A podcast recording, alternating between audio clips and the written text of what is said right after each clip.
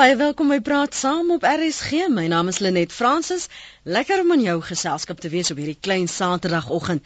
Ons praat ver oggend en praat saam oor Suid-Afrika se buitelandse beleid en hoe dit ons internasionale en ons nasionale beeld tans uh, aantas. Hoe dit beïnvloed dit daardie besprekings wat uh, gemaak word, die besluitnemingsprosesse en ons beeld.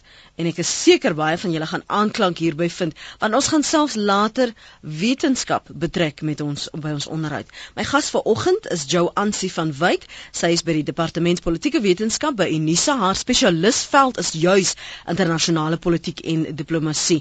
En ons gaan vandag dan nog stil staan om te praat oor ons beeld en besigheid en besluitneming en hoe daardie buitelandse beleid ons besluitneming in Suid-Afrika beïnvloed. Jy kan saampraat 0891104553. Ek wil graag hoor wat sê jy van wat uh, ons gas vanmôre sê. Jy kan ook 'n draai maak op ons webblad www.rsg.co.za en jou SMS se stuur. Hou dit kort waar jy kan sodat ek dit dan nou kan lees en dat dit sinvol op lig klink. So mis stukke stukke stuur op 'n slaggie, stuk stadigies en net duidelik wat jy wil sê. En dit doen jy na en stuur dit na 3343 en dit kos jou R1.50. Ja, Ansie môre baie welkom by Praat Saam. Goeiemôre Lenet. Dis baie baie lekker om jou hier te verwelkom. Ek hoop dit is nie die laaste keer nie, veral omdat daar so baie verwikkelinge is op 'n internasionale vlak. Maar as ons praat oor kenmerke van die Suid-Afrikaanse buitelandse beleid, is daar sekere punte wat ons mens moet moet noem?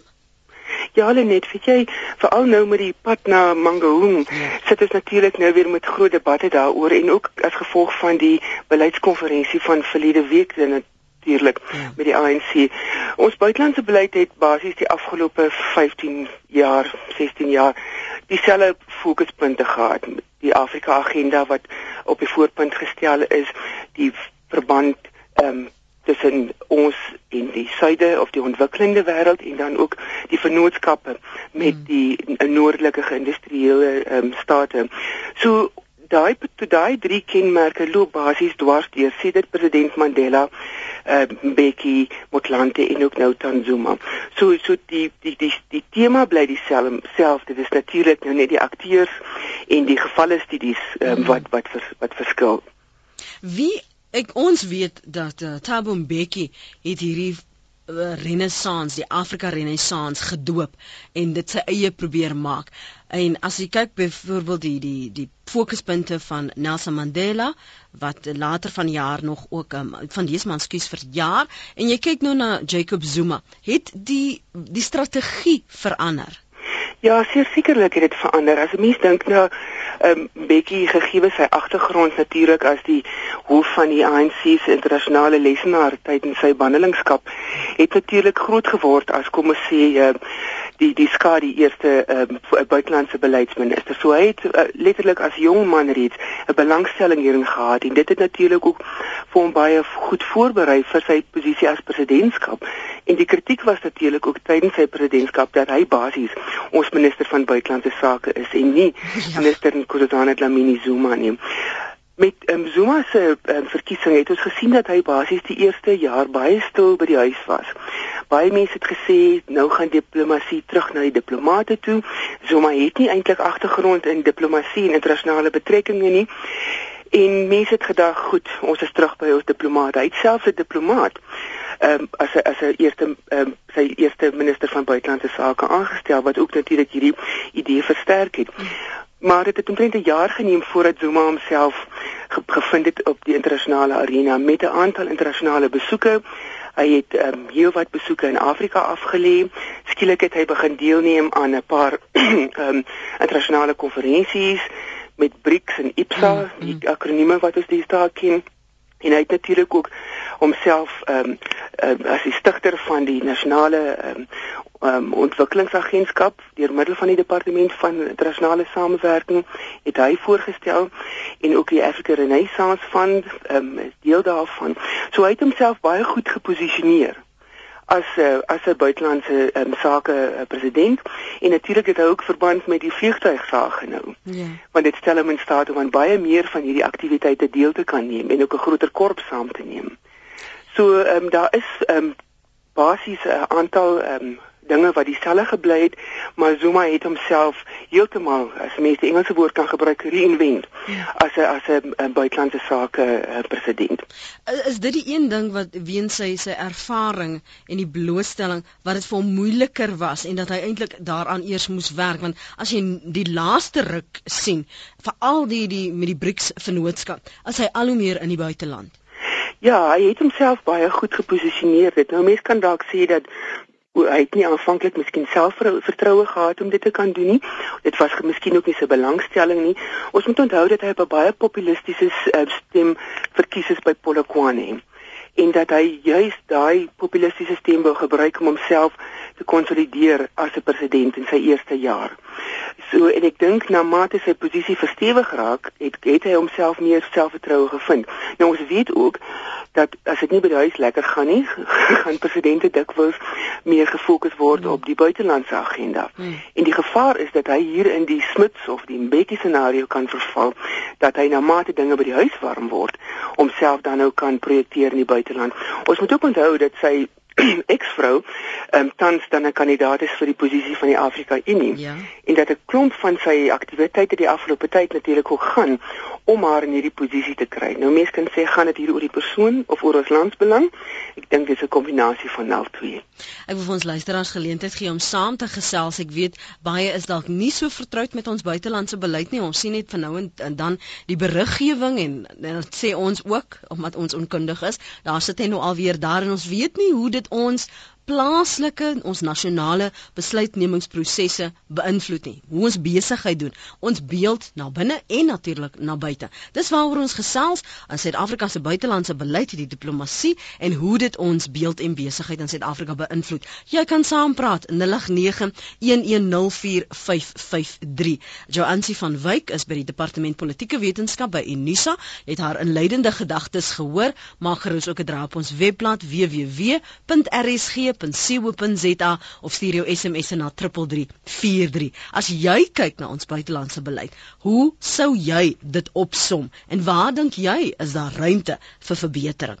En en dit, dit gooi ons maar ook nou wyd as ons praat van ruimte. Ek wil terug net gaan na daai drie punte wat jy genoem het na die wat wat die, die buitelandse beleid beïnvloed jou aansien ons het nou 'n bietjie gesels oor die Afrika agenda.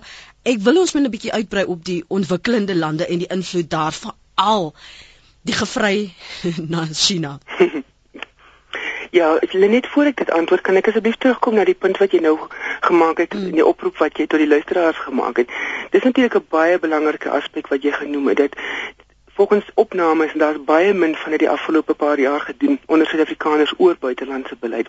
Suid-Afrikaners voel hulle self baie vervreemd van buitelandse beleidsbesluitneming. En dis iets wat in ons grondwet staan is dat buite die president is die parlement die belangrikste ehm um, besluitnemers hieroor. As jy dink dat die parlement bestaan uit verteenwoordigers wat die gewone man kies mm -hmm. of gewone vrou dan dan ehm um, het ons eintlik 'n verantwoordelikheid deur die parlement om hierdie beleid te kan beïnvloed.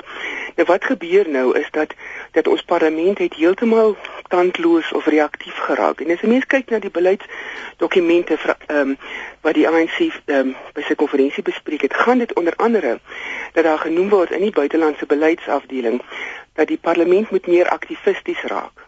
In ander woorde proaktief ja. oor buitelandse beleidsake. Ehm um, teenoor dan ehm um, die reaktiwiteit wat ons gesien het veral onder die Mbeki jare en dan nou ook wat ons tans nog sien. So da, dit lyk tog dat daar is 'n oproep ook van die ANC se kant af dat dit moet gebeur. Maar van burgery se kant af, mm -hmm. was daar nog net maar 'n houding van ag, dit traak my nie eintlik direk nie. sien ons die verband tussen wat buitelands gebeur het 'n invloed op hoe ons leef in in die binneland? Weet jy, ehm um, miskien ek en jy ehm um, wat wat miskien onsself kan as gesofistikeerde mense beskryf, sien dit dalk raak. Maar volgens die opnames wat gedoen word in ons land, is dit slag vir slag kom dit daarop neer dat brood en botter vraagstukke is veel belangriker. Jy weet, ehm uh, werksgeleenthede, mm. behuising, mm. geletterdheid. Dis die tipe goed waarin Suid-Afrikaners belangstel. En as jy dink dat soveel van hierdie goed, daai tipe nasionale welvaart, nasionale belange aspekte is juis so ingeskakel by die globale ekonomie deur middel van globalisering et cetera, dat dit eintlik noodsaaklik is dat die gewone burger hierdie belangstelling moet hê. So ehm um, mense kan dit ook sien miskien as 'n as 'n faktor van ons samelewing se behoeftes dat hierdie mm. buitelandse beleidsvraagstukke nie so belangrik is nie. Maar tog as jy kyk na mense se opgewondenheid oor sokker byvoorbeeld. Dit is 'n internasionale gebeurtenis, 'n internasionale organisasie wat dit aanbied. Ja. So dis nie so vervreemd van ons nie. Ons sien net nie die koneksies tussen dit raak nie en dis dalk een van die aspekte waarop die regering en die departement van buitelandse sake moet op fokus. Kyk hulle doen dit. Ehm um, ehm um, daar is nog 'n poging die afgelope jaar veral ook onder president ehm um, ehm um, Zuma heelwat in Bezus ehm um, by inkomste byvoorbeeld met um, skole of universiteite of in plaaslike gemeenskappe wat dit regtig soort van 'n roadshow raak waar buitelandse beleidsvraagstukke bespreek word. Dis natuurlik ook nog te min, ehm um, want dit is dikwels 'n uh, een rigting gesprek met die minister wat gepraat of die adjunkminister en die die ding is net hierdie gewone goed moet ingevoer word in beleid sake. Mm, mm, mm. Maar goed, ek kan net terugkom na jou vraag oor China. ja, want want jy het nou vir my nog vrae geskik van van nou wil ek ek ek, ek gaan gou net 'n aantekening maak van want wat ek wil vra oor oor die buitelandse beleid en hoe dit wel in die die doodgewone dag tot dag take en sake en besigheid wat ons doen, hoe dit daar inslag vind want dan dan kan ons gesels oor hierdie die tenders, ons kan gesels oor wetenskap en en ja. daardie soort onderhandelings. Maar kom ons gaan gou terug na China en en hulle invloed en ons pogings om om veral as jy kyk nou na die BRIC-lande, jy weet om om om 'n impak te maak dan veral in Suid in in Afrika want dis 'n een ding wat Clem Santer gesê het. Hy het sê ons as Suid-Afrikaners of as Suid-Afrika besef nog nie die die waarde wat ons kan toevoeg tot die beeld van Afrika nie en dat Nigerië juis weens hulle beleid en die wyse waarop hulle um geleenthede vir vir entrepreneurs skep, ons vooruit is.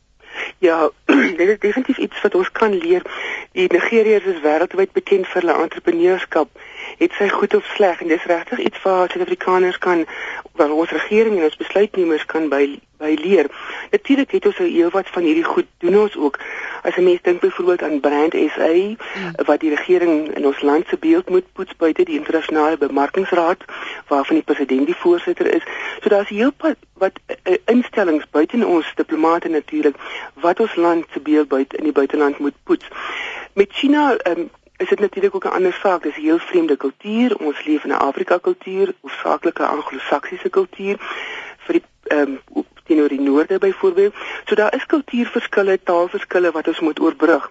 Maar rand en sent is 'n taal wat die meeste mense verstaan. So in die geval van China, ons sien ons dat China omdat dit hierdie globale ekonomiese krisis sedert 2008 baie goed absorbeer, kom baie sterk na vore. Dit is in 'n posisie wat dit byvoorbeeld Amerikaanse regerings uh, government bonds mm. kan kan aankoop. Dit kan 'n paar lande letterlik ehm um, um, uit verknorsings het en natuurlik in Afrika het dit baie lande se ontwikkeling uh, opstoot gegee. Ons sien binnekort is daar weer die FOCAC byeenkomste. Dis ek dink elke 2, 3 jaar van die Chinese regering met alle Afrika regerings ontmoeting in Beijing het. En hierdie een gaan ter spesifiek weer kyk na na ehm um, ontwikkelingshulp. By die vorige een is iets soos 8 miljard rand geskenk vir ontwikkelingshulp. Natuurlik ehm um, hoofsaaklik infrastruktuurhulp. Maar die gevaar met China is dit dat dit beskuldig word van al meer en meer koloniale praktyke. Nou as 'n mens kyk wat Europa gedoen het sedert 1880 ehm um, vir 'n tye periode van 80 jaar in Afrika tot die 1960 was om tipiese uh, ontwikkelings um, te hê wat basies van die natuurlike hulpbronne soos myne na hawens waar dit verskeep kan word. Te, en baie van China se ontwikkelinge is soortgelyk. Groot projekte rondom natuurlike hulpbronne of nywerhede wat bitter min invloed op die gewone mense lewe het. Ja. So om vir China om hierdie beeld van hom ongedaan te kry, sal dit moet belê in humanitêre goed so skole, ehm um, hospitale, meer um, op die mens gefokus en nie noodwendig op hierdie groot ontwikkelingsprojekte wat natuurlik werksgeleenthede skep. Maar die gevaar is dat jy heeltemal kan onttrek en basies net um, wat hulle noem extractive diplomacy wat jy basies net vat na die pad. Hm. Dis interessant. Maar kom ons moet 'n blaaskans neem Joan sien jy moet ek 'n blaaskans neem. Slukkie water of koffie of so aan 0891104553. Ons staan stil by Suid-Afrika se buitelandse beleid, die diplomatie wat ons sien en wat vir ons nie bewus is nie en hoe dit ons beeld en besigheid in die buiteland, maar veral besluitnemingsprosesse in Suid-Afrika beïnvloed. As jy 'n eiertjie te lê het hieroor, jy wil reageer op wat ons gas sê, jy welkom om saam te praat.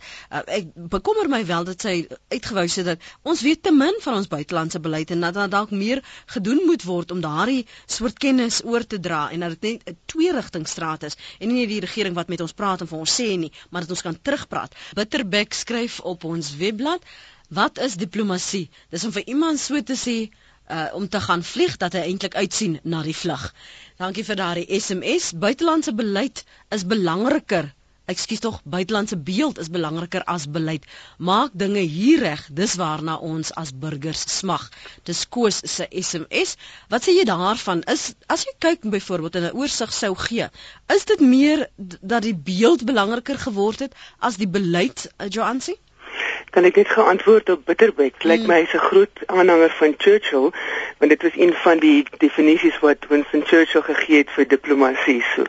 Goed, en kosse opmerking is natuurlik baie belangrik in die sin dat dit is altyd die moeilike situasie waarin 'n land se presidente en sy diplomate en politieke leiers hulle bevind.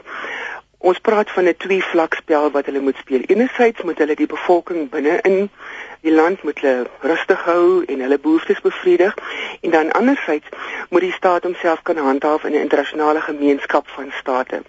En natuurlik ook dan nou ehm um, homself kan projekteer as 'n staat wat enerzijds by magte is om homself as 'n staat te kan handhaaf en 'n staat wat na sy eie mense kan kyk. So tussen hierdie beeld en die dade, met ander woorde tussen die ideale en die realiteite, is dit waar besluitnemers, presidente en diplomate heeltyd hulle self bevind. Nou goed, 'n beeld is baie belangrik vir 'n staat want dit is wanneer jy 'n belegging in 'n staat wil maak, wil jy weet dat dinge goed gaan daar. Die staat is 'n aantreklike plek vir vir belegging. Dit is mense wat hardwerkend is. Dit is heeltemal eh, kom ons sê 'n advertensie vir 'n staat die so die beeld van 'n staat wat voorgehou word en dit maak dit dan aantreklik soos ek sê vir vir beleggers. So dit is baie belangrik, maar daai selfe beeld wat 'n staat na buite projekteer, moet hy na binne ook projekteer sodat daar ook by burgers dan die vertroue in hierdie staat is. Met ander hmm. woorde dat die staat ook in staat is om die sosiale kontrak wat hy met die buitelandse gemeenskap het, ook met die plaaslike gemeenskap te kan handhaaf. Ek hou van hoe jy verwys na die sosiale kontrak want dit dit dit raak ons op soveel vlakke. Ja. Veral as jy kyk na die behoeftes in Suid-Afrika.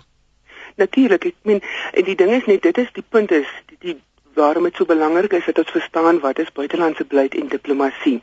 Nou 'n be buitelandse beleid is niks anders as kom ons sê gesondheidsbeleid of onderwysbeleid nie. Dit is 'n beleid met dit is 'n program van aksie van 'n staat. Nou diplomatie is dan die instrument wat 'n staat gebruik. 'n Ander instrument sou kon wees dat 'n staat besluit maar ek verklaar oorlog. Mhm. Ehm mm um, 'n ander instrument sou kon wees ek voer propaganda veldtogte teen 'n staat. So diplomatie is dan belangrik om hierdie verwagtinge wat 'n staat in sy beleid ehm um, uh, geformuleer het ten uitvoere te bring. En tipies onder state probeer hulle 'n paar goed doen. Hulle probeer die welvaart tuis bevorder. Hulle probeer hulle handhaaf as 'n staat, met ander woorde hulle soewereiniteit wil hulle ehm um, handhaaf. En dan in die derde plek gaan dit vir state oor status en prestige. Die beeldidee waarna ehm um, koers verwys het. Hmm. So dit is oh, dit is ehm um, dit is waaroor state se besigheid gaan veral in die internasionale uh, politiek is dat hulle basies hierdie drie goed wil doen. Goed, in party gevalle sien ons dat state heeltemal die klits kwytraak en dit net oor status en prestige gaan. Ehm um, maar die ideaal is dat 'n staat homself sal handhaaf ehm um, met hierdie drie ehm um, doelwitte. Kom ons luister wat sê die luisteraars. Hier's 'n paar sterkpunte wat gestel word. Dion Becker is hier in Johannesburg. Môre Dion. Môre hulle net môre aan jou gas baie interessante gesprek hoor.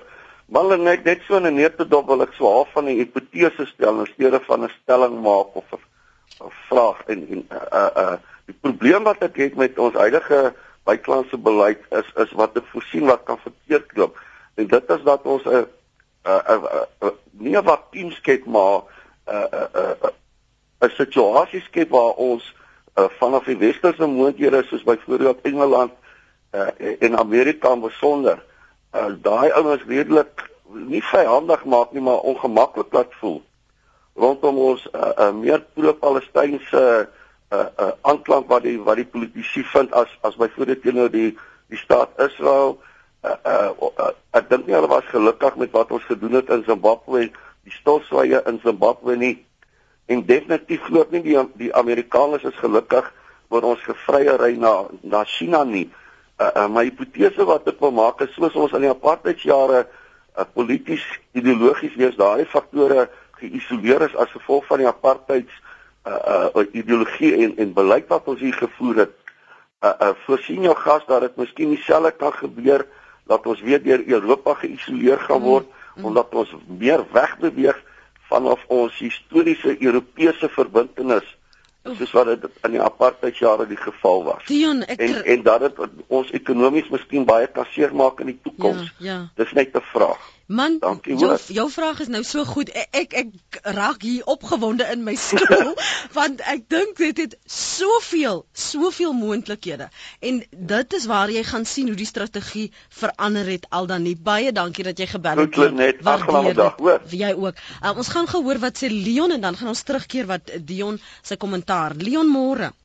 Môre net en gas. Ehm um, ek sou graag kommentaar wil lewer oor iets waarvan ek niks weet nie en, en dit is ehm um, wat my bekommer is ehm um, die mense wat ons oor see stuur of ons data verteenwoordig. Ja. Ehm um, ek kry so 'n persepsie dat dit van meestal die uitskot mense van die land wat in die gesyk het as 'n minister. Dis laasweek weer 'n ou in die nuus wat gefire is as 'n minister. Mhm. Ehm mm um, nee maar hy gaan nou vir ons verteenwoordig in oor see se missie. Wat se persepsie skep dit? Mm van Suid-Afrika by die oorseese lande. Nee, dis omtrent die som totaal van my vraag. Leon, ek gaan jou vraag iets wat omskep en dan kan ons miskien liewer kyk na die kaliber diplomate wat uh, ons verteenwoordig. Dis eintlik dis die regte woord. Mooi bly. Dankie vir die saampraat. Joanti, kom ons staan stil by wat Dion gevra het want dit het wye implikasies vir ons beeld plaaslik maar ook internasionaal die besluitnemingsprosesse en die ongemaklikheid wat ons moontlik kan skep deur die besluite en vir ons weer miskien onwillekeurig in isolasie loop plaas. Ja, Lenet baie dankie. Dit is baie goeie vrae en opmerkings wat ehm um, die luisteraars gee. Die ehm um, situasie rondom die vervreemding van ons tradisionele ehm um, kom ons sê net maar vennote in Europa. Ons moet onthou dat Europa sedert 2008 'n groot finansiële krisis is. Ek dink vir 'n groot deel van Europa se fokus vir die volgende jaar of meer gaan definitief net wees om sy eie huis in orde te kry. Ja, daar is Europese Unie uh, projekte met Afrika um, en so aan wat sal voortgaan, maar ek dink die groot fokus is net om sy eie huis in, in, in orde te kry. En as 'n mens kyk dat ons ons verhouding met Europa ehm um, polities is baie goed. Natuurlik word daar retoriese uitsprake gemaak. Dit is die deel van die politieke spel. Maar ons moet ook in ag neem dat Europa is al lank nie meer ons grootste handelsvernoot nie. China het dit so 2 jaar gelede verbygesteek. So ons het nog die politieke bande wat baie sterk is, maar ekonomiese bande het heeltemal verskuif van wes na oos in hierdie geval. Rondom die vraag ehm um, oor oor Palestina dat die feit dat vervreem ons ons nie verder deur dat ons byvoorbeeld sterk standpunt inneem teen Palestina nie. As ons byvoorbeeld kyk wat president Obama gedoen het, eh, Amerikaanse president, hy het heeltemal anders as as sy voorgangers hom heeltemal onttrek of hoofsaaklik onttrek van die kwessie rondom die vredesproses in Israel en in Palestina. En en die, en dit is natuurlik ook baie slim want want geen Amerikaanse president kon nog hierdie probleem oplos nie. Hmm. En as ons kyk na die situasie rondom Palestina, dan sê dit ook iets van ons buitelandse beleid, ook die die band dan wat uh, bevrydings ehm um, of ehm um, bewegings het, die buitelandse beleid wat dit self voer en dan ook die band tussen persoonlikhede. As ons kyk in die geval van die ANC se beleidsdokumente nou weer is daar groot ehm um, paragrawe gewy aan die die die ehm um, verhoudinge tussen die ANC en soortgelyke bevrydingsorganisasies elders in die wêreld. So hier's 'n baie sterk fokuspunt onder besluitnemers om hierdie verhouding ook ehm um, ehm um, te handhaaf. Mm. Net um, om dan saam te vat ja, ons ons ons word gekritiseer vir ons ehm um, um, houding oor Zimbabwe en dis meer. Maar ons moet onthou dat state het, soos wat een groot gees gesê het, belange, nie vriende nie. En waar state se belange ter sprake is, daar gaan hulle optree. Dan rondom die die die opmerking oor die kaliber van ons diplomate.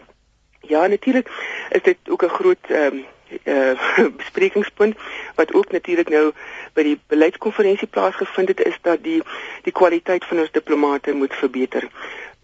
Die aanstelling van van kom ons sê maar ehm um, kamerade ja, as uh, diplomate ja. is natuurlik iets wat mm. Wat 'n tipe van 'n beloning geword het. Jy het goed gewerk vir ons, so ons sit jou in hierdie posisie.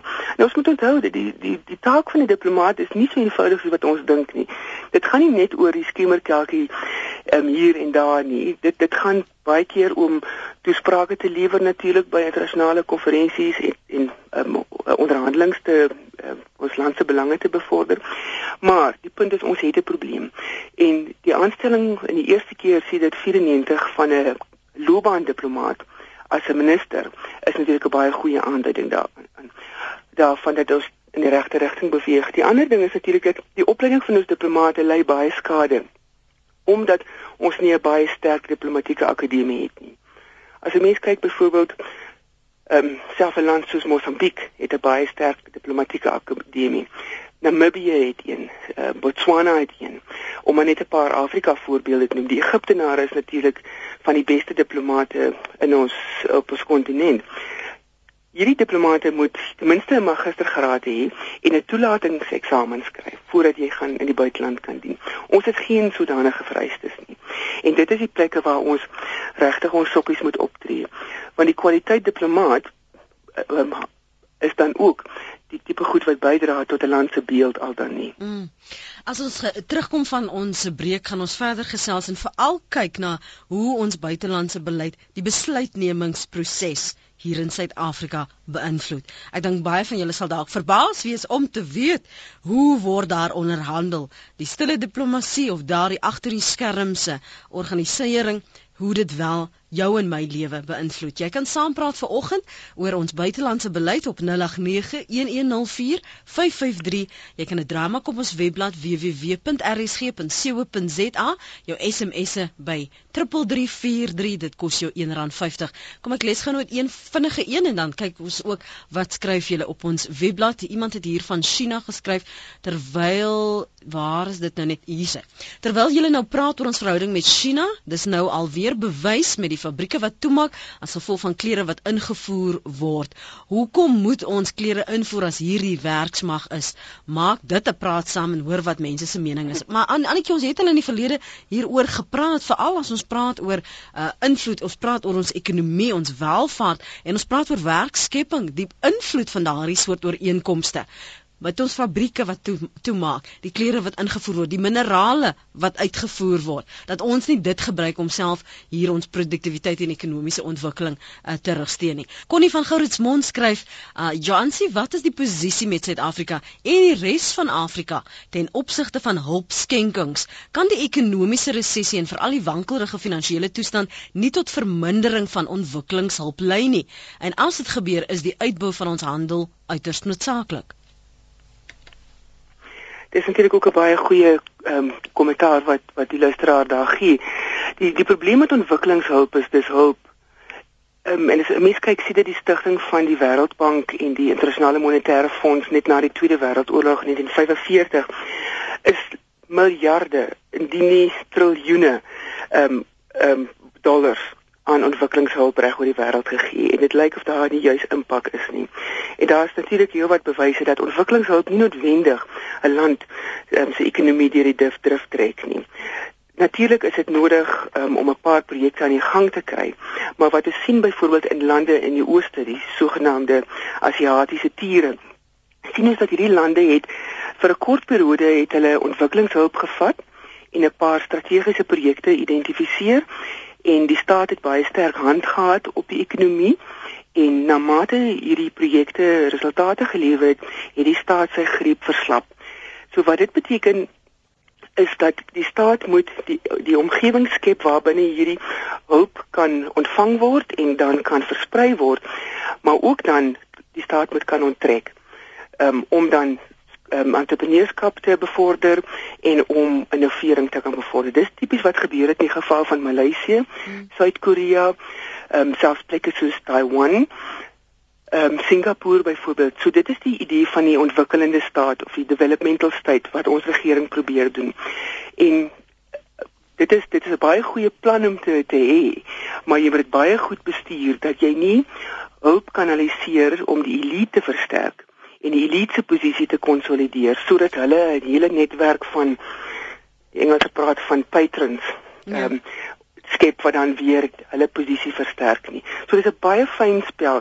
So ontwikkelingshulp wat ons dan in Afrika lande gee, is deel van die van die diplomatieke spel ook om vir lande te sê maar goed, ons gee as 'n humanitêre gebaar ontwikkelingshulp argumente te hawe vir vloede in Mosambiek om die gevolge daarvan te keer.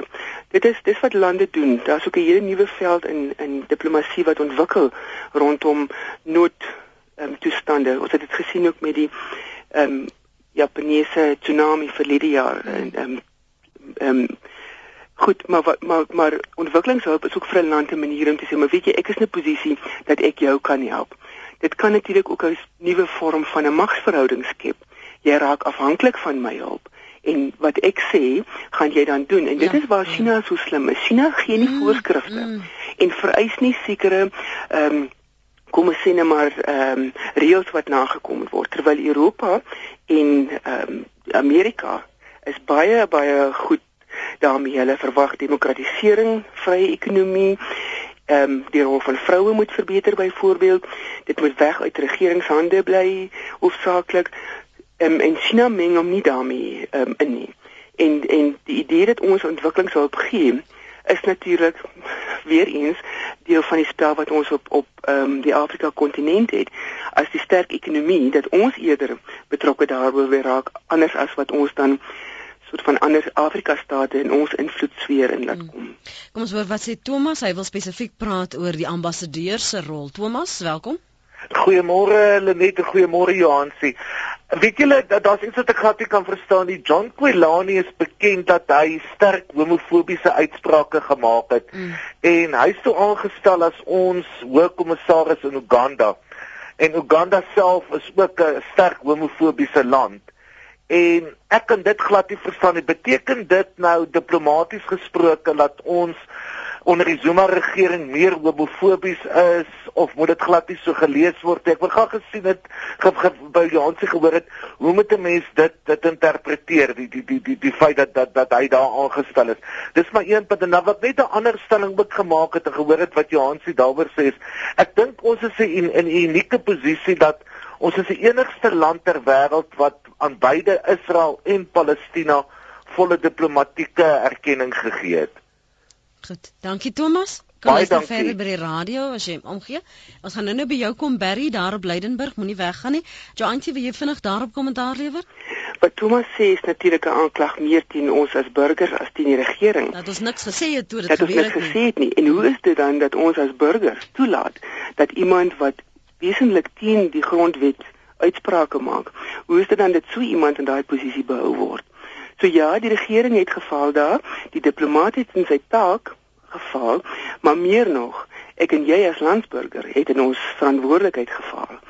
So, ehm um, die ideale is dat 'n dat 'n diplomaat of 'n ambassadeur dan ons praat van towing the government line, dat jy die dat jy soort van ehm um, dat jy die staat se se se beleid moet ehm um, bevorder en dit die uitsprake daaroor moet doen. Nou goed, mense moet ook kyk in die konteks waarin Kolani homself bevind het. Dit is 'n land wat deurgaan as 'n baie sterk homofobiese land en ek het 'n vermoede dat hy miskien homself wou goed ingrawe as in die diplomatieke korps in daai land wat natuurlik baie gevaarlik is want dit is nie hoekom ons hom so intoe gestuur het nie. So ek sou dink dat die regte optrede sou moet gewees het dat ons as burgers moet baie harder geraas het daaroor en dat hy moes teruggeroep word. Want ehm um, wanneer 'n ambassadeur teruggeroep word, is dit 'n baie sterk sein wat 'n regering uitstuur en sê, weet jy, ons hou nie van die land se uitsprake en beleide waarna ons diplomate is nie of ons hou nie van wat ons diplomaat doen nie. So dit sluit aan by wat 'n vorige luisteraar gesê het van die kaliber diplomate. 'n Diplomaat is nie daar om politiek te bedryf nie, is daar om 'n land se beeld te bevorder en om die staat se belange hmm. te bevorder. Barry, jy sê hoekom kan ons dit wat ons weet van die buiteland nie in Suid-Afrika toepas nie? Ek het jou nou verloor daar, ek sien tog? Nee, Barry, ek praat met jou, Hallo, Barry. Ja. ja. Barry, ons ja. luister. Ja. Ja, ek sê weet uh, uh, mense sien nie wat wat altyd gebeur nie. Weet uh, ons is hier so baie besteste images en besteste uh, uh, sienswyse en alles. Maar nou byvoorbeeld die Chinese, toe hulle hulle ekonomie nou om, omgestel het, het hulle die Chinese mark die stock exchange het hulle Chinese gemaak en hulle het 'n goeie voorbeeld daar gehad van hoe hulle hulle ekonomie omgedraai het. Nou ons sien dit nie. Hulle word nie dit word nie bewus gemaak vir ons mense wat hoe dit mense gewerk het om die ekonomie om te draai. Nou my standpunt is as jy in sales is, dan jy jy jy loop nie op posisie nie. Jy skep jou eie mark. Nou ons het hierdie groot probleem van land reform en land en wat ook al. Maar kom kom leer ons die by Chinese en hoe ons kyk nie na hulle model. Dan meer fisies en meer visible is wat ook al as mense kan sien wat gebeur. Goed, dankie vir die saamgesels. Kan ons net gou praat oor hoe al hierdie besluitneming, hierdie uh, diplomatie en en die buitelandse beleid 'n uh, impak het. Hoe manifesteer dit in die die soort tenders, die soort kontrakte wat Suid-Afrika kry, uh, die besluitnemingsprosesse, Joansi? Goed, as ons net eers na die besluitnemingsprosesse moet kyk, dan net ons in ons land 'n paar besluitnemers. Natuurlik die president word in die grondwet genoem as die vernaamste buitelandse beleidbesluitnemer en natuurlik stel hy 'n kabinet aan waar dan 'n minister van internasionale betrekkinge is. So die minister is dan hoofsaaklik ehm um, kom ons sê die gesant of dan die die lyn ehm um, funksionaris.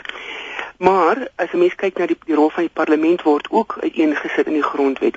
En soos wat ek voorheen verduidelik het, deur die parlement is ek en jy is dan ook verantwoordelik. Ons kan in terme van parlementêre reëls kan ons na die portefeulje komitee toe gaan en ons kan sê maar ons het 'n saak wat ons wil aan ehm um, voer en daar moet ondersoek ingestel word. Ons doen dit nie van die parlement ten ten spyte daarvan dat ons sê dat die deure van die parlement is oop in terme van die vryheidsmanifest, is dit nie. Dis moeilik om daarin te kom, letterlik en fisies om daarin te kom en ons weet ook nie met wie gaan praat ons nie. So dit dit, dit is 'n moeilike instelling om by te kom. Die parlement is ook hoofsaaklik reaktief. Ehm um, so dit stel ook mense uh, besluite word geneem en ons hoor dit eers daarna. So dit, dit daar's nie byvoorbeeld betrokkeheid by die beleidsbesluitneming nie. Iets anders ook is dit dat die president dan vir homself 'n paar adviseurs aanstel rondom sekere internasionale vraagstukke of oor die Sudan byvoorbeeld of oor die ehm um, in in die Great Lakes region in Afrika of dan oor sekere internasionale aangeleenthede. So ehm um, hierdie die beleidsbesluite is natuurlik ook baie nou verweef met wat aangaan in Letoile huis. Die die die belange van die party word natuurlik ook gedien daarmee deurdat die beleidsdokumente van die parlement van die party moet dan ten uitvoering gebring word deur middel van die regering. Dit is belangrik hier dat ons 'n onderskeid moet tref tussen die staat en tussen die regering. Die staat staan ongeag wie ook al regeer. En die die ideaal is dat wie ook al regeer moet die staat se belange bevorder. Ehm um, die ANC kan nog vir 100 jaar um, regeer of nie, maar die punt is net dit wat hulle doen, moet hulle doen eintlik om die staat te bevorder, nie homself nie. Goed, dis die ideaal daarvan. By in terme van tenders, ons gaan nou sien dat hier 'n groot klomp tenders um, op die opmark gesit word rondom die nuwe kernkragsentrale, ook natuurlik rondom die SKA, die satelliet ehm um, um, of die radioteleskoop se bou. En hierdie tipe goed gaan nou moet besluit word op kabinetsvlak rondom die kernkragsentrale. Is daar 'n komitee in die kabinet reeds saamgestel onder leiding van um, wat jong president Motlanthe wat na hierdie goed moet kyk. Ehm um, so so daar's groot ehm um, geleentheid natuurlik vir tenderpreneurskap, maar dan kom die verantwoordelikheid weer terug na my en jou as burger om te eis dat hierdie proses ehm um, oop is en dat daar verantwoording geroep word.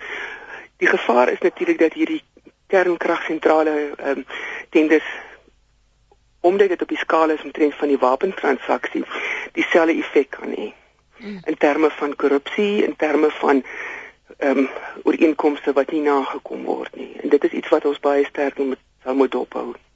Kom ons hoor die laaste oproep is van mevrou Rousseau op Mamasbury môre. Goeiemôre. Jy weet wat my nou net laat wonder hierdie buitelandse hulp wat ons gee. Ons het hoeveel buitelanders hier by ons wat uh, gebruik maak van alles wat hulle hier kan kry. Jy weet skole, medies, wat ook al. En dan soos wat ons nou 100 miljoen gegee het vir Somalië hier in die Kaap is hier 'n groot Somaliese uh, uh, gemeenskap. En die ander ding wat ek baie graag sou wil weet wat of uh, die dame nie vir ons kan sê nie. Uh, ek het die getalle nie gehoor nie. Ons het 1 of ander miljard gegee vir Cuba en is dit nou weer oor 'n miljoen gegee. Ag 100 miljoen. Ek bedoel, hoe kan ons dit bekostig? Dink jy wel tog ehm um, benewens die feit dat jy voel ons ons kan dit nie noodwendig bekostig nie. Dink jy ons het 'n verantwoordelikheid om by te dra wanneer daar 'n oproep is op 'n wêreldvlak of 'n wêreldverhoog um, van Suid-Afrika vir Suid-Afrika om by te dra tot krisisse en en daardie tipe ondersteuning? Ja, ek sê soos wat julle nou gepraat het oor oorstromings en sulke goeder. Hmm. Maar jy weet as ons op op op ons 50 miljoen mense sit met 8 miljoen plus, hulle weet nie hoeveel hier is nie. Dit is 'n hengse las. Ek bedoel en is nie dat ons 'n 'n ryk land is wat wat ek meen ons sit mense sit sonder werk. Dankie vir die saampraat mevrou Rousseau. Mooi dag daar op Babelsberg tot sins. Kom ons som op. Ons het ongelukkig nou nie veel tyd nie, maar ek wil jou vra om tog te reageer op wat mevrou Rousseau sê, Ansie. Weet jy mevrou Rousseau raak natuurlik 'n situasie 'n punt aan wat wat nie net uniek is in Suid-Afrika. Hmm. Oral in die wêreld waar jy kom, sal jy sien daar's immigrante gemeenskappe.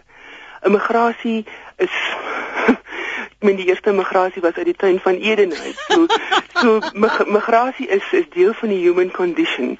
En die ding is dit wat maak jy met hierdie immigrante? Nou in die ideaal is dat dit mense moet wees wat bydra ehm um, met tot jou samelewing. In Afrika is dit anders. Mense vlug vir situasies en hulle sien Suid-Afrika as hierdie Eldorado en dit affekteer natuurlik 'n klomp um, sosiale uh, faktore in ons samelewing. En dit sluit weer aan by wat ek voorheen gesê het, is dat state speel hierdie twee vlak spel. Enerzijds moet hulle hulle binnelandse bevolking se belange dien, maar ook hulle internasionale um, verantwoordelikhede nakom. So as ons 2 miljard rand vir die IMF e gee, dan kan 'n mens vra vra maar hoekom doen ons dit nie? Natuurlik is daar groot vrae en die regering het bietjie klei getrap op sy antwoorde daaroor. Mense kan sou kon sê ja, ons het buite bygedra omdat ons 'n situasie wou ehm um, voor of wou ehm um, probeer keer sodat ons land nie daarbey ehm um, geaffekteer word nie. Goed, maar dan sit ons by die huis met tol uh, situasies ja. mm, wat die regering sê moet betaal word en wat ook al so die die die verantwoordelikheid kom weer terug na my en jou as landsburger is. Ons moet die regering tot orde roep op hierdie soort besluite dat ehm um, as ons dan geld skenk, wat is dit dan wat ons terugkry in die proses? Kry ons beter Kubaanse dokters terug? Ehm um, kry ons dan spesiale voorkeurlenings byvoorbeeld van die IMF mm -hmm. of gebeur dit dan dat ons verkies word tot die Afrika Unie se topposisie? Ek sou sê dat daar moet wanneer ons hierdie tipe goed doen, moet daar vir ons iets terug um, return on investment soos in Engels sê wees. Ek wil gou 1 minuut nog afstaan by een vragie. As jy dan sê ons moet kyk na ons buitelandse beleid en hoe dit ons binnelandse besluitnemingsprosesse beïnvloed, wat kan wat voorspel jy kan ons in die volgende paar maande sien op pad na Desember? Mangaung. Goed, natuurlik gaan gaan dit op een vlak gaan dit business as usual wees van sekere verantwoordelikhede wat ons het moet ons moet ons nakom. Daar is 'n paar groot internasionale konferensies, byvoorbeeld die VN se jaarlikse konferensies in um, September moet, is, moet ons aan deelneem. Maar ons moet ook sien dat dat ehm um, intussen moet president Zuma nog baklei vir sy politieke ehm um, oorlewing. Mm. So ek ek het 'n vermoede dat hy sal weliswaar die pas volhou van sy buitelandse reise maar die die die besluite en die uitsprake wat hy gaan maak gaan baie meer fyn opgeweeg word teenoor wat is die effek wat dit by die huis gaan hê. So ons gaan miskien simboliese goed sien soos meer handel, uh, beter handelssyfers, hoër uh, beleggers, groot konstruksies, al hierdie tipe goed wat hom gaan laat goed lyk. Want hy is is net natuurlik wat ons in Engels sê die incumbents advantage. Hy sit in 'n posisie wat hy kan die bronne kan uitdeel. Mm. Ehm um, maar uh, baie kan nog gebeur in die proses en natuurlik soos wat ek sê die groot situasie rondom die die kernkrag ehm um, uh, uh, sentrales wat gebou word, die tenders wat daarop uitgegee word. Daar word ook gepraat van groot ander um, infrastruktuurprojekte wat hy aangekondig het vroeër vanjaar. En een manier hoe hy homself sal kan red is as, as hy kan sê maar die soja is gespit vir hierdie goed. Ons is besig om werk te skep daar daarvoor en ons sien resultate. Mm. Dink nou sommer hoe jy nou verwys na die die incumbent aan aan Barack Obama en hoe daardie hofbeslissing verlede die laaste 2 weke hom voordeel ja, ja. omdat hy ook vir 'n vir 'n nog 'n termyn wil staan.